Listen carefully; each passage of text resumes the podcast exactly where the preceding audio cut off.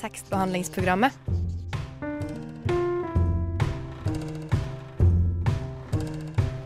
Tekstbehandling på radio.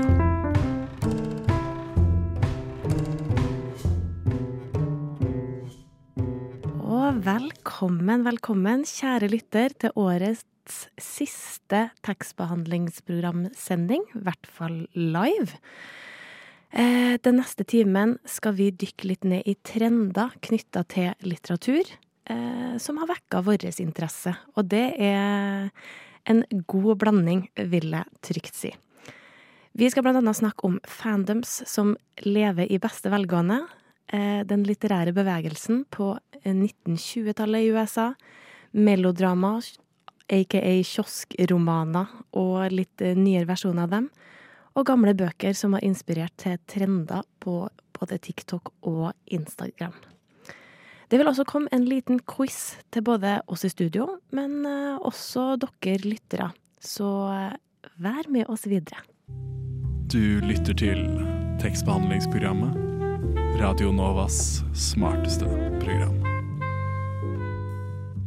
Ja, velkommen, eh, lytter og dere i studio. Eh, jeg heter Maren, og foran meg sitter Arthur. På sida av meg er det Julia, som eh, prøver å få et headset til å virke. Eh, Hei. og- Hallo! Ar- Arthur sitt funker. og på eh, teknikk så har vi med oss tekstbehandler Maria. Yeah. Ja da. Det, går det greit, Julia? Nei. Ja. Så eh, hvis dere hører litt, eh, litt sånn krimskrams i bakgrunnen her, så er det hva skal jeg si, eh, litt headset-trøbbel. Det er Julia som bråker. Ja, rett og slett. Det, det ristes på hodet her når du tester. Nok et nytt headset her. Nei, skal- skal vi mm, Det er en litt dårlig trend, det her, ja.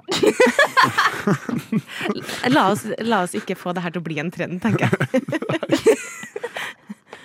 Nei, Julia. Nei. Nei. OK. Eh, kanskje vi skal eh, det, det sitter vel en ganske sånn teknikkkyndig inn på redigeringsrommet. Skulle Hører dere meg når jeg snakker nå? Ja. Yes. Ja, da kjører vi på. OK. ja. Herlig. Ok, greit. Ja. Jeg føler at vi Jeg skal putte den i riktig høyde. Og så skal jeg freestyle. Kristoffer Schou fortalte oss at han aldri bruker headset når han lager radio. Så da skal jeg kopiere han i dag. Du er egentlig den mest proffe av oss, er det du sier. Um, vi, får, vi får se om jeg er det. Det gjenstår å se. Kristoffer Schou, proff. wow. Wow. shots fired. Oi, oi, oi, oi. Det kom en tidlig brannfakkel fra deg. Du pleier som regel å vente litt. TVP mot kvegføres. Rett på. Det er ikke seks over ti engang, og Arthur har allerede vært savage. Det er sånn det skal være. Wow. Ja, det er- Litt roast er sunt på morgenskvisten. Noe som er utrolig roastbart, roastbart er et tema jeg har tatt med i dag. Fordi vi skal jo snakke om trenddommeren. Mm. Um, og den største og beste trenden som, som liksom har skjedd etter at moderne teknologi og internett og sosiale medier kom inn i verden, er jo liksom fandoms. Um, er dere ikke enig? Er det det beste som har kommet inn i den- etter den teknologiske? Etter liksom, jeg vet ikke, medisinsk teknologi, så kanskje. Ja. Mm. ja, men fandoms, det er lættis, det, altså. Det er mye, det er mye, det er mye materiale der. Det er, liksom, det er jo på en måte bare den erkjennelsen av at sånn, du har canon, og canon er det forfatteren skriver og lager, og den boken med det satte handlingsforløpet som har én liksom, retning. En, du, du går fra A til B. Mens alt som skjer utenfor, på internett, på sosiale medier, um, som spres liksom mellom mennesker i hele verden som er lesere, og som skapes av dem, det er jo fandom. Og det er helt fantastisk, og det muliggjøres jo av den teknologien. Da lever de historiene videre. Eh, veldig interessant det, det du sier, Hilda. Men hvis du bare kan vente eh, til etter neste sang med å snakke videre om det. Gjerne. Julia hadde så overtenning. Men jeg backer deg så mye. På var bare fandom. På, jeg. Pickle Rick! Å nei, skal vi Men jeg kan ikke tro at du nettopp var Pickle Rick. Ligger Rick and Morty. òg? Jeg bare kuppet det stikket, jeg. Beklager. Ja, men det var, det var veldig gøy. Og så var jeg sånn her Tok en sjef beslutning. Jeg tenkte bare sånn, skal jeg bare la oss kjøre på med det? Og så var jeg sånn mm, Nei, vi drygger en ett Ok, Men da har jeg introdusert det, så fortsetter Ja, vi veldig Største teasen noensinne. Ja, jeg beklager. Det går helt fint. Det går helt fint. Det var en uh... Det var en stresset situasjon her uten Ja. det headsetet. Ja. Det det- det- vi kom inn uh, Hva skal jeg si uh, ikke, noe, ikke noe før vi vi, vi kunne gjerne ha kommet inn litt tidligere, men uh, det er det ikke alltid mulighet til. Og da tup, tup, tup, tup, tup. Og så er det ikke alltid teknikken Det er ikke bare oss her på Radio Nova. Det fins andre òg. Så Veldig mange sånn andre. er det. Ja. Ja. Ja da. Men eh, jeg tenkte å spørre eh, først, eh, sånn som vi pleier, hva har folk lest siden sist? Bare en kjapp runde. Jeg har apropos fandom, Julia. Jeg, jeg holder til i en fandom jeg er veldig glad i. Det er His Dark Materials-fandomen. Det har vi snakka om før. uh, og jeg har gjenlest den tredje boka i den trilogien, fordi nå kommer tredje sesong på HBO. Så jeg har uh, refreshed my mind om eh, hva det er som skjer. Og egentlig spoila for meg selv, for jeg har glemt mye av handlingen. Så det er det jeg har lest. Ok, Kan du bare gi en liten Ja. Hva er det her for noe? Er det noe fantasy? Det er fantasy. Okay. Ja, det er fantasy. Tre bøker? tre bøker. Tre gode bøker. Toeren er min favoritt. Uh, og den har også sin HBO-serie, som er veldig bra. Okay. Så fordi tredje sesong nå har kommet, så har jeg da lest den tredje boka. Det var dere med isbjørnene? Det er det vi Det er faktisk husker. Det er isbjørner med rustning. Ikke sant? Er det det onde mot det gode? Eh, det er eh, fri vilje mot religion. Ja. Ja, okay. Det er det der. Ja, altså. Norge for noen år siden, da. Mm. Word. Religion er åpenbart bra. Fri vilje er jo dritt. Jeg backer deg så mye. Nei, jeg har ikke lest noe særlig, jeg, egentlig. Jeg har uh, i s- satt med eksamen, da, vet du. Det er sånn man driver med, da, vet du. Når man går på studio og greier. Så det er det jeg har drevet med. Jeg har lest dekonstruksjon og feminisme og alle ismene og alle de tingene der. Så det har vært mye. Ja. Mm. Så Ja. det har vært mye av det. Jeg hører at det, det, ja, det er helt greit at jeg ikke går ditt studie. Ja, det tror jeg, for jeg tror, jeg tror ikke det hadde kommet deg gjennom det.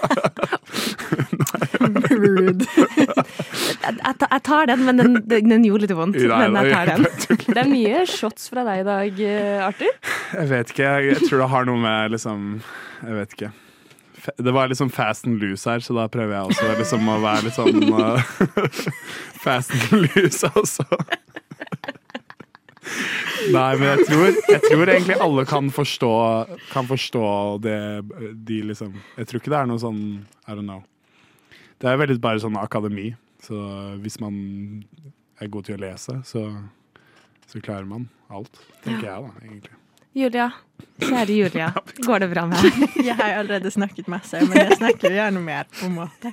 Jeg har lest tur um, 'Argonautene' av Maggie Nelson. Apropos ismene. Det er litt essayaktig kjønnsteori og handler om heteronormativitet, egentlig, og Mm. eh, skeive forhold, og liksom skeive forhold som tar del i de tradisjonelle, undertrykkende heteronormative institusjonene, sånn som ekteskapet, når skeive par vil gifte seg, og eller eksempel komme inn i militæret og alle de tingene der. Hvordan det egentlig liksom Det er jo skadelig, men så vil man inn i det for å være en del av storsamfunnet, og for å kunne uttrykke ting på samme måte som resten av samfunnet. Men så er det jo på en måte grunnleggende skadelig å ha vært det for skeive folk. Så det er veldig interessant. Oi. Mhm. Ja, det er liksom litt det jeg har lest om. Jeg har lest Adrian Rich, så, og hun eh, eh, snakker om i et essay som jeg har glemt navnet på akkurat nå, men eh, der snakker hun basically bare om hvordan feminismen burde behandle heteroseksualitet som en institusjon, og ikke bare som eh, Hva kan man si? En sånn eh, motpart, eller liksom bare en legning. Det er også en institusjon som liksom påvirker uh, Ja. eh, Liksom, ja. Skeivhet. Mm. Sånne ting. Spennende, spennende. Uh, men det er jo det er, uh, Dagens sending er jo om trender og litteratur. Eh, som eh, Og det er straks fandom vi skal begi oss ut på. Eh, Julia har allerede varma opp med det. Helt nydelig. Men før vi tar fatt på det, så har eh, tekstbehandler Annika eh, ordna en eh, quiz. Både til oss i studio, men også til dere lyttere. Eh, så dere skal få høre spørsmålene nå, og så kommer svarene i slutten av sendinga. Hvert et språk så er det mange ord og uttrykk som man, man kanskje ikke vet hvor kommer fra, men som man bruker i hverdagsspråket. Eh, som eksempel takk eller ha det. Eh, hvorfor man sier akkurat de ordene, det vet egentlig ikke jeg, men kanskje du gjør det. Så i den, den anledning så har jeg valgt å ta en titt i den etymologiske ordboken og lage en liten quiz til dere lyttere, som jeg har valgt å kalle Annikas etymologiske ordquiz. Jeg har da plukket ut eh, tre ord som jeg syns er veldig viktige i det norske språket. Og så kan dere få gjette hva som er den etymologiske bakgrunnen til disse ordene. Og med det så vil jeg begynne quizen. Det første ordet er pepperonipølse. Et ord som brukes veldig mye i det norske kjøkkenet, ehm, så veldig viktig å vite. Det andre ordet er eh, simsalabim. Eh, det er jo ofte man havner i litt situasjoner hvor man trenger litt magisk påfyll. Ehm, så også veldig viktige ord. Eh, og det siste ordet er eh, flire. Og det er jo noe man gjør enten alene eller med andre, så også veldig viktig. Så hvis dere vil vite den eh, etymologiske bakgrunnen til disse ordene, så vil svaret komme litt senere. Så da ses vi. Mot mishandling. For tekstbehandling. Tekstbehandlingsprogrammet. Ja, uh, nå skal vi jo snakke om uh, noe som har blitt teasa før i uh, sendinga, nemlig Harlem Renaissance. Det her er et tema Arthur. som er veldig nært meg. Hæ? Arthur, Arthur, nå er det min tur, faktisk. På ekte. Oh, ja, sorry. Det var mitt stykke, egentlig. Eller min, min, min del. Jævlig forvirrende hvordan liksom alt bare skjøv på seg. Altså, har det blitt en trend nå? Om det her, om det her. Det er blitt en trend å kuppe hverandres stikk. Um, nå, nå, nå, nå er det det ekte fandom, fandom-stikket. Og siden jeg var så god på å introdusere i stad, så skal jeg gå rett på sak og spørre dere om dere har vært del av, eller anser dere som del av en fandom. Hva som helst. Åh, absolutt. Um, jeg er der i Harry Potter-fandomen hvor jeg tror veldig mange er. At når de som tenåringer så var de veldig inn i sånn blir litt teit å si sånn textbook Harry Potter. Nå har jeg senere kommet inn i litt mer sånn fanfic uh, Harry Potter-fandom-universet. Hva vil det si? Det har vært en er reise. det hva jeg si, kjærlighetsforhold mellom Fred og George? Er, det,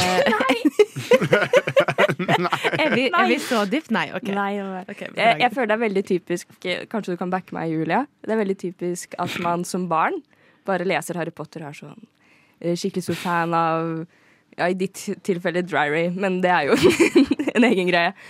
Eh, og så når man blir eldre, så eh, Jeg har i hvert fall opplevd å bli mye mer opptatt av Marauders-perioden. Så perioden før Harry Potter finner sted. Jeg vet ikke om det er noe som er vanlig, men jeg tror, jeg tror kanskje mange opplever det. At de beveger seg videre jo eldre de blir.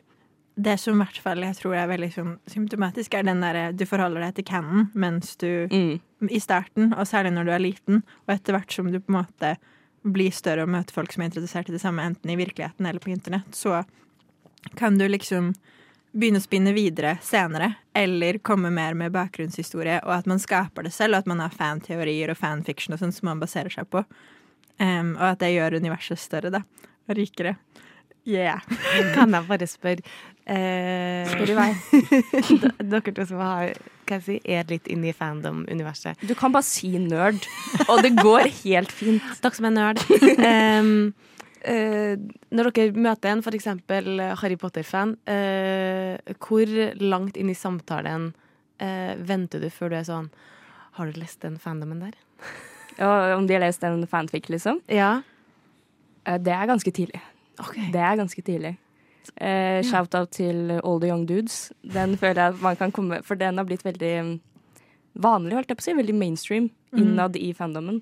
Så den er det ganske trygt å komme med. Det er noen ting som er skikkelig stuerene, og så er det andre ting som bare ikke er det. Som fortsatt er sånn Å ja, shit. Mm, Arthur det er sitter og ler. Ja. Altså, ja. Jeg syns det er gøy at det liksom blir prata om. Så det er så, vok det er så ja. Og det Marauder-perioden er Ja, liksom ja. jeg mest interessert i, da, vet du, i, i, i er fanfic-verdenen her. Det er bare sånn der, Alle vet jo at uh, dere bare har lyst til å pule Gigrid. Det er jo det det er. Ja, Gigrid var min sexual awakening. Der tok du meg. Eh, Men er ikke du en del av noe Er ikke du en del av en eller annen fandom? Har du ikke vært det på et eller annet Nei. tidspunkt? Nei, jeg har ikke det. Ikke det hele tatt? Nei. Bare Nietzsche. Nei, det er ikke noe fandom der. Jeg bare, han, er, han er et individuelt menneske. Så Nei, jeg vet ikke. Jeg føler at det finnes mange subreddits som er fan av Nietzsche, for å være helt ærlig. Ja, men der er ikke jeg, for å si det sånn. Men eh, nei da, men fandoms er jo det er jo gøy å føle at man er i en gruppe. da Kanskje det er sånn der, eh, sånn der replacement for eh, sånn Venner, da. Kødda. For venner. Jeg har i hvert fall vært mest aktiv i fandoms når jeg har et færrest venner. Jeg tror de to grafene, eller de to liksom Jeg kan ikke matte, men jeg tror, Ja. tror de følger hverandre. Eh, Desto flere venner, desto mindre deltakelse i fandom. Men hvilken fandom er det du er De har veldig bra forsvar, må man si. da Men fandom, hvordan fandom er det du er dypt inne i, Julia? Ikke noen ting akkurat nå, fordi jeg har um, Jo, jeg er faktisk skikkelig inne i Game of Thrones akkurat nå. Jeg lyver. Jeg, jeg har blitt veldig opptatt av Game of Thrones det siste året. Så den tror jeg at jeg vil si at sånn Den hørte jeg. Men før så har jeg vært ekstremt opptatt av Percy Jackson som, og vært utrolig mye på Tumblr til jeg var litt for gammel. Um. Hva betyr det? Hva betyr det? Betyr det sånn nå? Nei, det betyr til jeg var 15 på tumblr.com. Herlighet. Mm. Man gjør det man vil, og så koser jeg med det. Ikke noe skam. Ikke Det noe mener skam. jeg. Hva med deg, Maren? Har du, har du noe forhold til noen fandom? Det det var vel eh, eh, det her, Mange år siden så var det vel noe eh, High School Musical, eh, mener jeg. Mm. Og da var det eh, på YouTube det foregikk. Ja, stemmer. Mm. YouTube. Hvordan foregår en eh, fandom på, på YouTube? Da er det rett og slett at de har ordna en video der det basically egentlig bare er tekst. Og så Å leser ja, ok. Ja. Mm, det var Det er gøy. Det var greia. Men uh, nå er det vel kanskje ikke så veldig mye det. Nå er det vel, men er det på sosiale medier, eller er det bare på forum? Hva sier du, Maria? Uh, fanfics, er det det vi er Ja. ute etter nå? Ja. Uh, da er det jo forskjellige typer nettsider. Eh, AO3, typisk. Mm. Du kan vel finne det hvor som helst, Ja. på en måte. Ja. Eller liksom, det er jo referanser til, eh, til, til liksom fanfiction overalt. Internett er et sort hull hvor du finner altfor mye. Subreddits, da. Er vel Subreddit. mye, føler jeg også. Fuck yeah, bro! Jeg hører på tekstbehandlingsprogrammet. Radio nå. Fuck yeah, bro! Du hører på tekstbehandlingsprogrammet. Eh, det er fortsatt meg, Maria Skjerven, i studio og på teknikk her. Og med meg har jeg Eh, Maren? Julia. og Arthur, mannen bak Fuck you, bro. Jeg hører på tekstbehandlingsprogrammet. fuck Moderne geni. Nei, jeg er ikke. Så fuck you, bro! Jeg hører på tekstbehandlingsprogrammet. Det er Geni og roastmaster. Geni og roastmaster, for Wow. noen titler. Eh, vi Nå er dere litt melodramatiske her. Å, ja, men Arthur, da! Radiofaglig sterkt. Ah, den er god knips for den. Eh, I dag så snakker vi om trender her på tekstbehandlingsprogrammet. Og som Arthur tisa litt for oss der, så skal jeg snakke om melodrama. Melodrama er rett og slett overdramatiske kanskje overdrevne handlinger eh, i media. Enten for å få fram sterke følelser hos oss publikum og få oss til å grine og føle skikkelig med. Et godt eksempel er såpeopera. Og jeg lurer litt på, har dere kanskje noen eksempler på hva som kan være sånn overdramatisk og rett og, slett overdrevent? Julia? Vi snakket jo bitte litt om dette her før vi gikk på lufta i dag, og jeg er halvt honduransk, så jeg vokste opp med sånn meksikanske telenovelas. Som jo er Det er jo såpeserier, på en måte. Mm. Men, men bare når det er på spansk Det er noe med at det språket passer det formatet utrolig godt, fordi Kan, kan du ikke gjenta det du sa? Du kom med et eksempel. Spansk er så på en måte ekspressivt og, og uttrykksfullt, så de kan liksom de kan dytte noen altså Se for deg et par, så er det en mann og en kvinne som krangler, og det er utrolig mye lidenskap, så dytter kvinnen mannen ned trappa, og så sier hun ting som sånn Blodet i årene mine fryser fordi du elsker meg ikke like mye som jeg trodde, og nå skal jeg gå ut og henge meg i tre hvor jeg dør og sitronene vokser og lever. Altså sånn, Det er virkelig helt Coño. Åh, Susa, no, no, no, no. Så ja, meg eksempel. Det er jo ekstremt mye følelser, og ting er veldig overdrevent. Og jeg lurer på, Kan vi finne dette her i litteratur? For én ting er når det er på skjermen foran oss, men hva med når det er på sidene? På arket? Kan vi liksom få melodramatisk stemning da? Tror du det, Maren? Altså, det, jeg tenker jo litt på sånne kioskromaner yeah. som alt fra Bare du ser coveret, så tenker du her er drama. Her, her er det mye lidenskap og ja, sikkert en eller annen noen, Garantert noen som dør. Kanskje en tvilling som havner inni der. Kanskje noe sykdom. Og, så, ja, eh, og sikkert mye, mye intimt. Det er jo ofte de litteraturformene eller bøkene vi assosierer og tenker at det er eh, kvinner som eh, leser.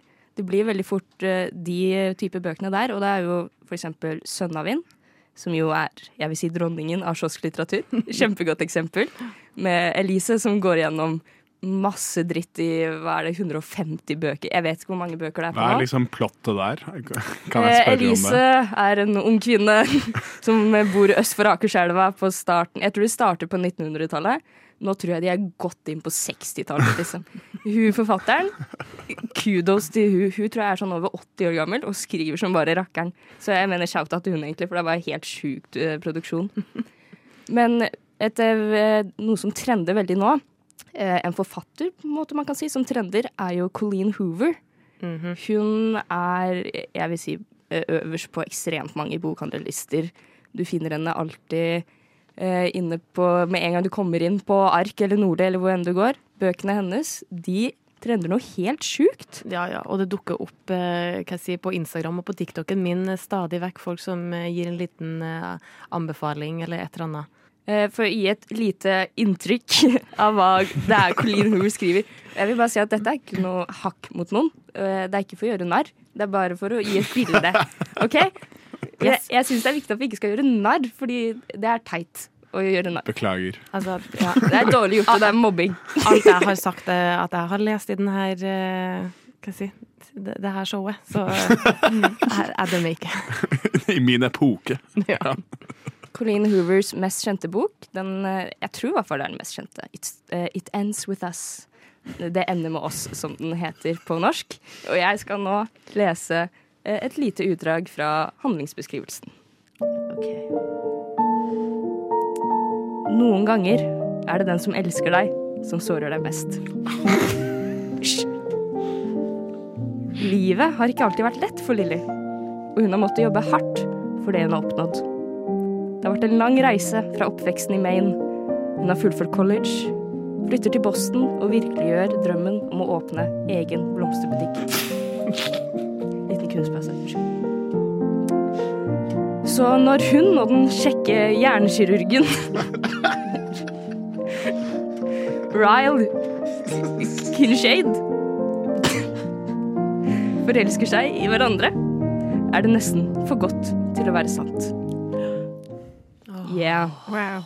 Oi, oi, oi. Hva tenker dere? Hvordan er det for godt til å være sant at noen forelsker seg, liksom? Ryle, Ikke tenk på det. Ikke tenk på det. Crusade? What? Ikke tenk på det.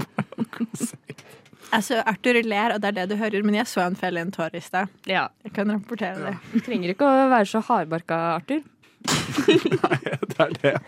Det er at jeg er så hardbarka at det er Nei da. Men Det er jo litt koselig. Ja, ja det, det er jo det, og det. Men jeg tenker, er det litt eh, Kan du, Maria, kjenne deg igjen i denne storyen? Det er jo nettopp det, altså. Disse ordene. Det er litt fremmed for meg. Sånn Boston, Maine, det er ikke steder jeg forholder meg til. College, blomsterbutikk. Jeg har aldri liksom Og jeg har heller ikke noen hjernekirurg i mitt liv. Så det føles egentlig veldig fjernt. Så det jeg har tenkt på, og egentlig syns at vi trenger her i Norge, er Colleen Hoover-litteratur som er litt nærmere oss. Har du et Eh, jeg, har, eksempel, eller? jeg har selvfølgelig tatt dette på min kappe. hey. og tenkt at dette er mitt samfunnsansvar. Det var det jeg tenkte sånn der, Hvis det der var norsk, så hadde jeg likt det. På en måte. Samme, det var det som var problemet der. Jeg har kommet Jeg, jeg vil si at eh, dette vil nok komme i dine kiosk nær deg neste år. Kjør på. Litt stemningsmusikk. Jeg må bare bytte dialekt nå. Det er litt dumt. Grensesprengende kjærlighet. En tolværhistorie. Etter en traumatisk oppvekst i Sarpsborgs narkomiljø har Laila endelig slått seg til ro. Hun jobber som tollærer i Svinesund, og arbeid for henne gjennom den ellers ille hverdagen gærlig ille hverdagen er det viktigste. En dag kommer en trailer med peller på peller av droger inn på tollstasjonen. Mens kollegaene feirer oppdagelsen av drogene, oppdager Laila at trailersjåføren er hennes ungdomskjæreste. Tommy.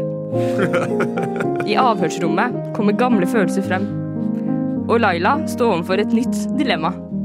Kjærligheten eller tollerne? Dette var da historien om Laila. Som jeg tror kan ligge litt nærmere oss, da, i hvert fall nærmere meg. Uh, hva tenker dere? Jeg Tror ble det- så intrigued. Jeg tror dette kan bli en bok. Det var nervepirrende. Sånn, jeg følte at liksom spenningsnivået var her høyt oppe hele tiden. Og at jeg virkelig ventet på den plot-twisten. Det var utrolig bra. Altså, nå må Laila get with Tommy, og så må de kjøre av gårde med den der jævla lastebilen. Ja. Og så må de bare ha en bloody ass good time, de to.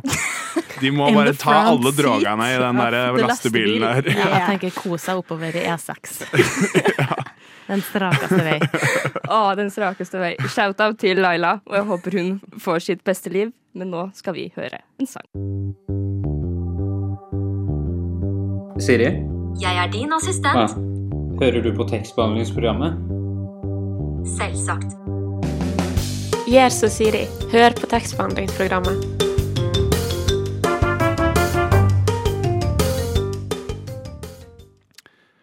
I've known rivers.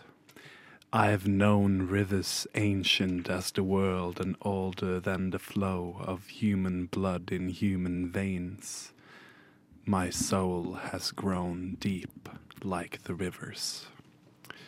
Det der uh, utdraget der er fra et dikt av uh, Langston Hughes, og diktet heter The Negro Speaks of Rivers. Og det er hentet fra den litterære bevegelsen uh, som er betegnet Harlem Renaissance. Fra 1920- og 30-tallet i USA.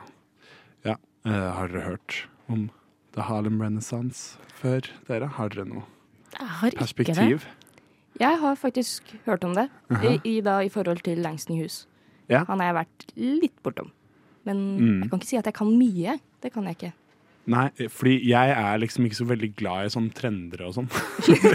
jeg liker ikke å snakke om ting som foregår nå. Nei. Og da tenkte jeg liksom sånn Ja, men da kan jeg snakke om noe som var trendy, kan man si. Og The Harlem Renaissance eh, handler jo om at eh, afroamerikanere fant ut på starten av 1900-tallet at vi eh, eller ikke, de fant ikke ut, da, men de, de hadde et sterkt ønske om å på en måte dyrke sin egen kultur. Og det her diktet her av Langston Hughes er kanskje den, et av de aller viktigste eh, En av de aller viktigste litterære tekstene fra der, fordi det handler liksom om at um, eh, den uh, folkegruppen er på en måte like dyp som elvene som uh, løper gjennom eh, Afrika og også i USA. Uh, og jeg føler at det er en hva kan man si, en tidløs trend som eh, på en måte blir eh, uttrykt i hans dikt. Men eh, ja, det Harlem Renaissance foregikk altså på 1920-tallet, og det er veldig mange viktige folk, eller veldig mange viktige sånn black, black rights activists som har kommet ut av den trenden. Og du hadde hørt om, om, om han ene? Du Bois, ja. Ja. Jeg studerer sosiologi, og Du Bois er en av de liksom eh, svarte teoretikerne som har blitt mest hva skal jeg si, trendy igjen nå nylig, og det tror jeg sikkert stemmer for flere fra The Harlem Renaissance, at de på en måte blir gjenoppdaget nå med Black Lives Matter-bevegelsen og sånn, og med hele eh, hva skal jeg si eh, kritikken mot at akademia da ikke har nok representasjon, f.eks. i pensum. Mm. Um, og at da er det mange av de stemmene som, som får en uh, styrket eller ny plass. Mm. Ja, det er veldig sånn at å, å, å liksom endre, endre kanon, så jeg tenkte jeg skulle lese litt til fra, fra det diktet, og så har jeg gjerne lyst til å høre hva dere tenker etterpå. Um, I looked upon the Nile and raised the pyramids above it. I heard the singing of the Mississippi when Abe Lincoln went down to New Orleans, and I've seen its muddy bosom turn all golden in the sunset. I've known rivers, ancient dusky rivers. My soul has grown deep like the rivers. Jeg elsker det når du leser, Arthur. ja, du har så, god leserstemme. Takk. Ja. Ja, men sånn eh, Han Det var på en måte tematikken her, da. Mm. Så eh, bygger det jo liksom på The Harlem Renaissance at afroamerikanere skal på en måte skape sin egen kultur. Og har dere noen sånn forslag om hvordan han på en måte eh, Hva kan man si? eh, omskriver sin egen historie, eller liksom eh, eh, viser på en måte stolthet i sin egen fortid med det diktet her, liksom. Eh, Jeg syns det er veldig interessant det med, liksom, med elvebruk. Mhm. At det er det han tar utgangspunkt i. For jeg føler at ofte når man har snakket om historien til afroamerikanerne, tar man utgangspunkt i reisen over havet, Mm. hvis du skjønner? Ja, det er, ve- ja, det er veldig interessant poeng, syns jeg. At man liksom Mhm. At man bruker elvene istedenfor havet, for da er det sånn liksom om, Skifte tematikken, eller skifte Ja. symbolikken, liksom. Ja. Og også at han starter da i Afrika, syns jeg er veldig fint. Mm. Og hvordan han tar det videre til USA. Ja. Og da liksom Og det er på en måte elven, hva, hva kan det være et Hva kan det være symbol på? Ja. Hva, kan det, hva kan det symbolisere? Hva tenker dere? OK, norsklærer Ja, ja, jeg har lyst til, ja, kanskje jeg griller dere litt nå. Jeg vet ikke, Det er ikke meninga å føler elver alltid liksom er noe omskiftelig, noe som endres, noe som Mhm. flyter, og at også den historien og kulturen kan endres. Ja, eller at den, men det, at det liksom er konstant, men flytende, på en måte. Mm. Så det at, den, at han liksom ser fortiden sin og forhistorien, altså um, Ja, så føler jeg at det er en del av en trend. Eller det var en del av en trend som eh, fortsatt eh, renner eh, nedover Nilen i dag. Og nå skal vi høre en uh, sang. Vi skal renne videre til 'Don't Call Me Out' av Julie Pavon. Du lytter til Radio Nova. Tripp, trapp, tripp, trapp. Hvem er det som tramper på min bru? Det er bare tekstbehandlingsprogrammet. Ja da, da var vi tilbake igjen. Eh, er, vi, er vi de tre bukkene Bruse, eller kanskje vi ikke skal snakke om eh, For da er vel en som er trollet, så vi bare går eh, rolig Hvem videre. er det som Ja, det eh, jeg skal prate om, eh, det starta egentlig med at jeg mm, sitter nå veldig mye, særlig på Instagram, og eh, scroller. Og det har jo dukket opp ekstremt mye sånn om kjærlighetsspråk. Og jeg har det kjærlighetsspråket, og jeg har det kjærlighetsspråket. Og jeg det i intervju der kjendiser helt ut av det blå tar det opp og er sånn åh, ja, men jeg har jo det kjærlighetsspråket, så bla, bla, bla, bla. bla. Så jeg er sånn, hva, hva er egentlig greia? Eh, og så viser det seg at det, de fem kjærlighetsspråkene, eller Kjærlighetens fem språk, er en bok. En ganske gammel bok fra slutten av 90-tallet, tidlig 2000, av en som heter eh, Gary Chapman. Det her er da en ekteskapsrådgiver som har holdt på i 30 pluss år i USA. Eh, og ja, brukt sin erfaring og bare så på alle eh, dem han hadde veileda, og bare sånn OK, hva, hva er det egentlig folk sier at de trenger? Og han kutta det da ned til de fem kjærlighetsspråkene, som består av anerkjennende ord, tid for hverandre, tjenester, gaver og fysisk nærhet. Eh, jeg har da eh, hørt eh, denne boka på lydbok, og har jo mine meninger om eh, den. Men så tenkte jeg at vi kan ta en kjapp runde her i studio. Hva er deres kjærlighetsspråk? Mitt er definitivt anerkjennende ord. Okay. Mm. Ok. Eh, Kan jeg velge to? Er det lov? Egentlig ikke. Du har ett primært, mener han, da. Eh, og da kan du stille deg spørsmålet Det hadde vært mindre skilsmisser i verden hvis Og da er det ofte Det du da svarer, det henger sammen med ditt primære kjennskap. Anerkjennende ord. Mhm. Ja. Jeg tror gaver for min del, jeg. Ja. Jeg er ikke så god med ord. Du da, Maren? Eh, jeg er definitivt eh, tjenester. Mm. Det gir mening. Mm. Definitivt. Eh, men ja, jeg har jo gjort meg opp mine meninger, og eh, For det første, den boka, den kan nok eh, Som sagt, den her kom ut tidlig 2000, og han har vært ekteskapsriver 30 år opp til da. Så det er ekstremt Det er så stereotypisk, de eksemplene som kommer fram, at jeg er litt usikker på hvor relevant og hvor brukende de er om forhold i dag. Mm. Det har jo forandra seg ganske mye. Heldigvis. Eh, ja, så jeg blir litt sånn ah, Men så tenker jeg, ligger det likevel noen ting i det? Hva tenker vi? Er vi for eller imot?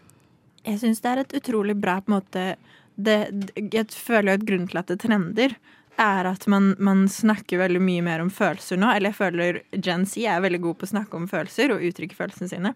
Og at det på en måte er en del av den derre OK, jeg setter ord på hva jeg har behov for. Jeg setter ord på eh, hva jeg selv er god på i mitt følelsesliv og i mine relasjoner med andre. Og at det på en måte eh, er jo noe der som, som folk føler at, at disse fem love languagene gir dem et verktøy i til å snakke om det. Ja, jeg føler det er en sånn derre Jeg føler det ofte er som her, med sånn pop eh, kjærlighetsgreier. Sånn derre eh, Basically så er det sånn Det er sånn reduksjons. Jeg syns det er, eh, reduserer en relasjon til Det her er den ene tingen du trenger, når egentlig det er mye mer komplisert enn bare å liksom Hei, du har den, e- det ene behovet som du trenger å få fylt. Jeg føler at det er veldig sånn, I don't know, Ja. oversimpelt. Ja, det var litt det jeg tenkte, at her har det blitt ekstremt forenkla. Men han selger jo det inn, så klart fordi han tjener jævlig mye penger på det. Denne boka har tatt av. Eh, men han selger inn som løsninger på alle eh, forholdsproblem, og han skal òg ta det videre til næringslivet og jobblivet. Men ja, det var da eh, Kjærlighetens fem språk-boka. You have bewitched me, body and soul, and I love, I love, I love. Tekstbehandlingsprogrammet på Radio Nova. Da har vi kommet eh, til eh, veiens ende. Eh, eh, denne timen gikk ekstremt fort. Eh, neste sending eh, kommer onsdag eh, 21. desember. Eh, den ble spilt inn for en liten stund siden, og vi har da kalt den Sørpesending. Så man kan jo gjøre seg opp sine meninger om hva den består av. Eh, men eh, før vi eh, avslutter, så må vi jo ha svarene på quizen. Så eh, la oss høre hva Annika har å si. Ja, velkommen tilbake til Annikas etymologiske ordquiz. Nå har dere jo hatt litt tid på dere til å finne ut av hva svaret på, på quizen er. Eh, Så med det tenker jeg vi bare går rett på sak. Eh, Det første ordet i quizen var jo da pepperonipølse. Det er altså en, eh, en type krydret og saltet pølse som er solgt i tynne skiver.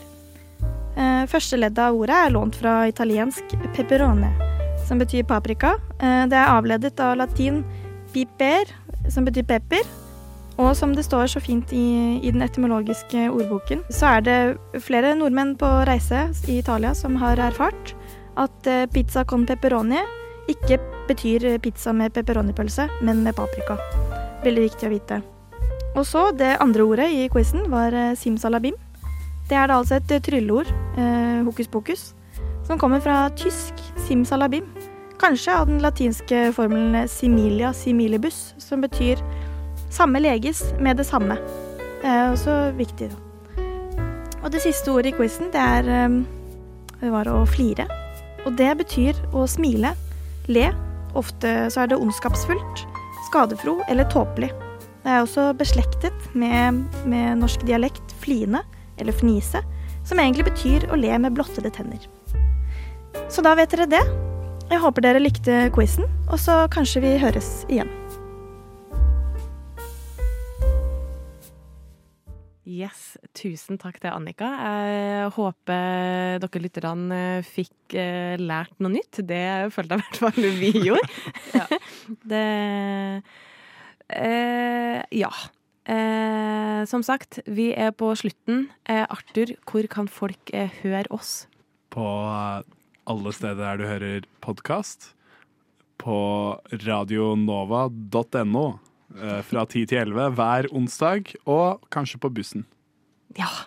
Og med det så runder vi av eh, vår eh, time her. Så da er det bare å ønske alle sammen en God jul! Gledelig jul! så ses vi. God jul! God jul! Merry Christmas.